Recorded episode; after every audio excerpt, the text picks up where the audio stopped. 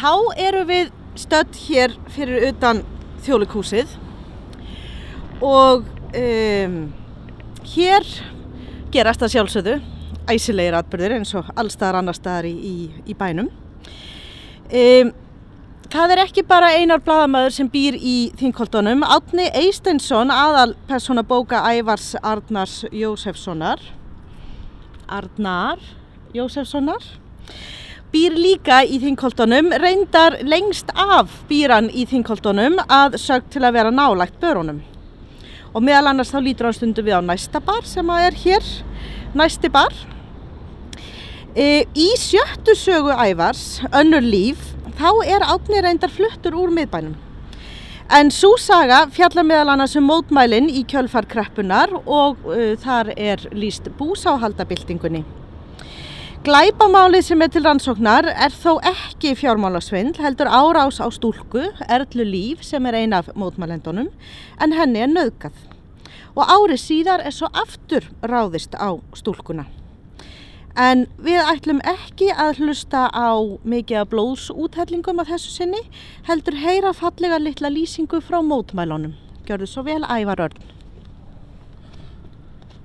Búsáhaldabildingin gekk sinn heimilislega gang þennan miðugudag og fyrsta bál dagsins var kveikt á stjettinni millir Jóns og Alþingis löngu áður en byrtu tók að bregða. Það var aldrei nema örlítill varðeldur sem dó fljótlega úr næringaskorti. Byrjaði að kynnta alvöru bál eftir að rökkva tók og sjálfsbrottin trommusveiti var mætt þegar Erla Líf og besta vinkonan Oddrún Gíða koma aftur úr kaffipásunni. Það er sett upp skíðagrímurnar í nálægu húsaskoti og stigu inn í bjarmanna veldinum þar sem þriði dansarinn var fyrir. Korki Erlan í Oddrún kunna á henni nokkur deili og hafði aldrei síðað framann í hana. Martin varð eftir á kaffihúsinu og let býða eftir sér en Erla sá báðum bræðurum sínum bregða fyrir öðru koru, berandi eldinu mat á samt nönnu og hauki og ótalmörgum öðrum. Löggan beigð átækta sem fyrr. Þegar Martill loksins dúkkað upp á nýjundur kvöldmatt kom hann færandi hendi með kaffi, samlokur og fréttir af yfirvóðandi fundarholdur samfélkingarinnar í þjóðleikúskjallaranum.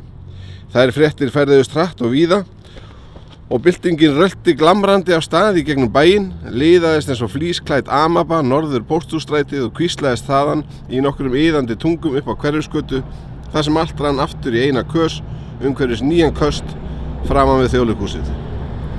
Er mamma, saði Martin og benti á virðulega miðaldra og pelsklæta frú sem tróðst með erfiðismunum gegnum þöguna og skaust inn í þjóðleikuskjallaran.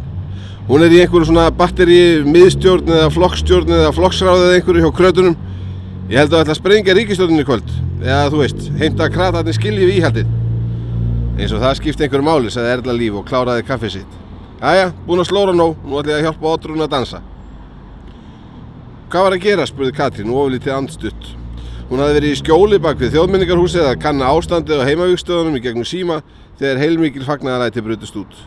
Ekkert sem skipti máli urræðu Guðni sem gekk byltingavaktina með henni þetta kvöldið því unalitla árnadótti var með magakvissu og pappi hennar á bleiðuvaktinni.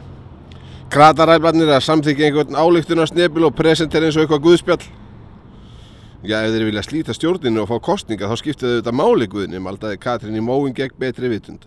Að raukraði Guðna, hvað þá ætla að fá hann, að skipt, fá hann til að skipta um skoðun, var jafn líklegt til árangus og að byggja börnina að skilja skóna ekki eftir akkurat í gangu einum.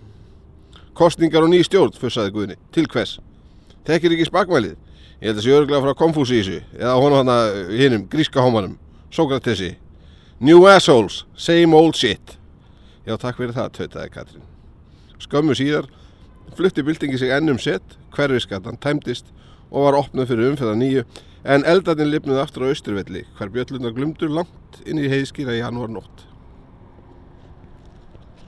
Þannig var það. Og þannig var það. Þetta var sem sagt Ævar Örn Jósefsson sem las og bókin Önnur líf kom út árið 2010. En e, við ætlum að færa okkur um upp og lítið set yfir að fyrrnemdu þjóðmenningarhúsi. Það var svo lítið.